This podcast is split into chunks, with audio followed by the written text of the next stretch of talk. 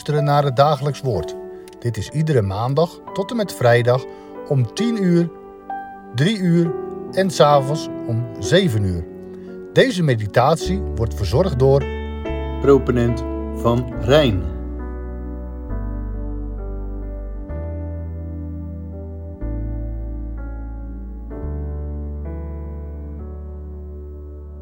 Beste luisteraars, vandaag sluiten we het tweede hoofdstuk van de brief aan de Efeziërs af met de versen 17 tot en met 22 en dan lezen we met elkaar de volgende woorden. En bij zijn komst heeft hij door het evangelie vrede verkondigd aan u die veraf was en aan hen die dichtbij waren. Want door hem hebben wij beiden door één geest de toegang tot de Vader. Zo bent u dan niet meer vreemdelingen en bijwoners, maar medeburgers van de heiligen en huisgenoten van God, gebouwd op het fundament van de apostelen en profeten, waarvan Jezus Christus zelf de hoeksteen is, en op wie het hele gebouw, goed samengevoegd, verrijst tot een heilige tempel in de Here, op wie u ook mede gebouwd wordt tot een woning van God in de geest. Broeders en zusters in Christus. Vers 17 begint met de komst van Christus. En dan bedoelt Paulus hier allereerst de komst van Christus in het vlees. Ja, u weet wel, daar en toen in Bethlehem. Maar dat niet alleen. Nee, eigenlijk meer nog bedoelt hij hier de komst van Christus in zijn omwandeling hier op aarde. Zonder onderscheid te maken tussen mensen heeft hij door het evangelie vrede verkondigd. Ja, hij die onze vrede is, zo hoorden we gisteren. Met zijn komst is het licht in de wereld gekomen. En sinds zijn komst schijnt dat licht tot op de dag van vandaag. Tja, vrede. Al gauw denk je dan aan geen strijd. Want dan denk je al gauw aan oorlog. En velen van u weten daar nog alles van. De Duitse bezetting heeft diepe sporen achtergelaten. En volgende week hopen we het weer te gedenken. Op 4 mei de dodenherdenking en op 5 mei de bevrijdingsdag. Maar ook vandaag woeden er nog oorlogen op verschillende plaatsen. Denk maar aan de oorlog in Oekraïne. Maar er kan ook strijd zijn in je eigen gezin. Hoeveel ruzies zijn er niet? Ja, zelfs zo dat mensen elkaar dood wensen. Of misschien wel strijd in uw eigen leven. Ja, als de omstandigheden om je heen zo zijn dat je er niet meer tegenop kunt. Dan snak je naar rust en vrede. Herkenbaar misschien? Maar broeders en zusters, dat is niet de vrede die Paulus hier bedoelt. Hoe actueel alle verschrikkelijke omstandigheden ook kunnen zijn, nee, dan heeft Christus door het evangelie een andere vrede verkondigd. En als je het Griekse grondwoord hardop uitspreekt, dan klinkt daar een Nederlands woord in mee. Vrede in de Bijbel is Irene in het Grieks. Daarin hoor je ons woord Irenisch. Dan kun je denken aan een wandeling door de duinen op een zwoele zomeravond. En opeens sta je bij een van de meertjes. De zon schijnt op het rimpelloze water. Je blijft staan en je hoort verder niets. Dan is daar een irenische stilte. Ademloos sta, staar je voor je uit, getroffen door de wonderschone schepping van God en vrij van alle rumoer. Dan is deze irenische stilte een ander woord voor vreedzaam. Alle onrust van de wereld valt daar een ogenblik in het niet. Je voelt je één met de natuur en met God. Daarnaast heeft Irenisch in het Nederlands ook de betekenis van verzoenend. En ook dat zit in de door Christus verkondigde vrede opgesloten. Dat klonk vast gisteren vanuit vers 16. Ja, dan vallen de moeilijke omstandigheden in wereld en persoonlijk leven, dan vallen die weg. Maar dan verkondigt Christus een vrede die alle verstand te boven gaat. En dat is de vrede van en met God. God heeft zichzelf door het werk van zijn Zoon met de wereld verzoend. Ja, door de verkondiging van het Evangelie, door Christus zelf, is de toegang weer vrij. Nee, niet alleen voor de Joden, maar dan is dat evengoed ook voor u en voor mij. Ja, voor allen die dichtbij waren, maar ook die veraf zijn. En dan zingt het lied. Ieder uur, iedere stap brengt ons nader bij de grens van leven en dood. En dan klinkt die ernstige vraag: Heeft de heiland uw paspoort getekend met zijn bloed dat hij reddend vergoot? Misschien zegt u nee nog niet, maar dan roep ik het u vandaag nog toe. Nog is het tijd.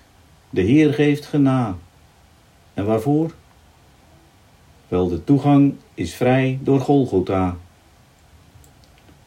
En ja, dat is waar Paulus hier ook op doelt, als hij het zegt. Door hem hebben wij beiden, door één geest, de toegang tot de Vader. Ja, dan zet ik ook een streepje onder het woordje wij. Dat is inclusief. Dat is niet jij wel of, of jij niet. Nee, wij. En daarmee geeft deze brief niet alleen aan de Efeziërs weer nieuwe hoop, maar tegelijk ook aan u en aan jou. In de tempel was er een, de voorhof der heidenen. Daar werden de niet-Joden afgescheiden door een muur. En bij de poort in deze muur, daar hing een waarschuwingsbord. En daarop stond dat iedere niet-Jood die door deze poort achter de scheidingsmuur zou komen, dat hij op staande voet gedood mocht en kon worden. Verboden toegang dus. Ja, die toegang was afgesneden door de wet. Maar in Christus is die toegang ook voor de heidenen geen verboden toegang meer. Nee, de toegang tot de hemelse troon van de Vader is weer open. Broeders en zusters, bent u al door die toegang tot de Vader heen gegaan? Ja, door het kruis en door het verlossingswerk van Christus, toegepast door de Heilige Geest. Zo staat de deur ook vandaag nog wagenwijd open. Ja, de toegang tot de Vader. Want ja, broeders en zusters, daar gaat het om. Het gaat uiteindelijk om de eer van God de Vader. Nee, dan zijn wij geen vreemdelingen meer of bijwoners. Maar dan ben je een medeburger van de Heilige en een huisgenoot van God. Geen rondtrekkende buitenlander dus, zonder enig recht. En ook geen tweederangs burger, met maar heel weinig recht. Nee, dan bent u burger in de stad van God, met de volle burgerschapsrechten. En dan is het in deze stad met recht, multiculti. Ja, dan staat dat beeld voor de kerk met een hoofdletter. Dit stadsbeeld geeft dan ook onderlinge intimiteit aan in de verhouding tot God en in de verhouding tot elkaar. En dan werkt Paulus dit beeld verder uit in het beeld van een gebouw. Daarvan is God zelf de bouwmeester. En in het bouwen bedient hij zich niet alleen van Christus en de Heilige Geest, maar daarin zijn ook mensen actief. Zij zijn de werktuigen van Christus en de Geest in het opbouwwerk. In het bouwwerk zijn er het fundament en een hoeksteen. En als fundament noemt Paulus dan de apostelen en profeten. Daarbij gaat hij allereerst uit van de twaalf apostelen. Zij staan aan het begin van de wereldwijde verkondiging van het evangelie. Maar deze groep is later ook groter geworden. En bij de profeten kan hij gedacht hebben aan de profeten vanuit het Oude Testament. Maar evengoed ook aan profeten, zoals die bijvoorbeeld in 1 Korinthe 12 genoemd worden. Want ja, profeten zijn mensen die de woorden van God doorgeven. Zij zijn wachters en dienaren, ja, boden van God. En die waren er ook in het Nieuwe Testament. En naast het fundament noemt Paulus ook de hoeksteen. En dat is Jezus Christus zelf. Dat is de steen die door de tempelbouwers verachtelijk was een plaats ontzegd. De hoeksteen in het gebouw, dat is een steen die voor iedereen zichtbaar was. De hoeksteen was ook onmisbaar voor de fundering van heel het gebouw. Dat was een grote, rechthoekig gekapte steen, die het eerst op een hoek van een gebouw werd gelegd. En deze steen die deed, deed dienst als oriëntatiepunt voor heel de bouwwerkzaamheden. En daarmee is ook het werk van de apostelen en van de profeten, georiënteerd op Christus, de hoeksteen. Ja, zijn heilswerk is voor de oprichting van het gebouw, voor de structuur en voor de uiteindelijk, het uiteindelijk gereedkomen van alles beslissende betekenis. En dan is het hele gebouw goed samengevoegd. Ja, dan is dit de kerk met een hoofdletter, een heilige tempel in de Here. Ja, dat is daar waar onze God zijn woning houdt. Maar wel een tempel zonder scheidingsmuren dus. En daarmee een gebouw dat bestaat uit levende stenen. Ja, levende stenen uit verschillende volken. Uit Joden en heidenen. Ja, ook uit inwoners van Katwijk. Bent u, ben jij ook al zo'n levende steen? Amen. Zullen de Heer danken.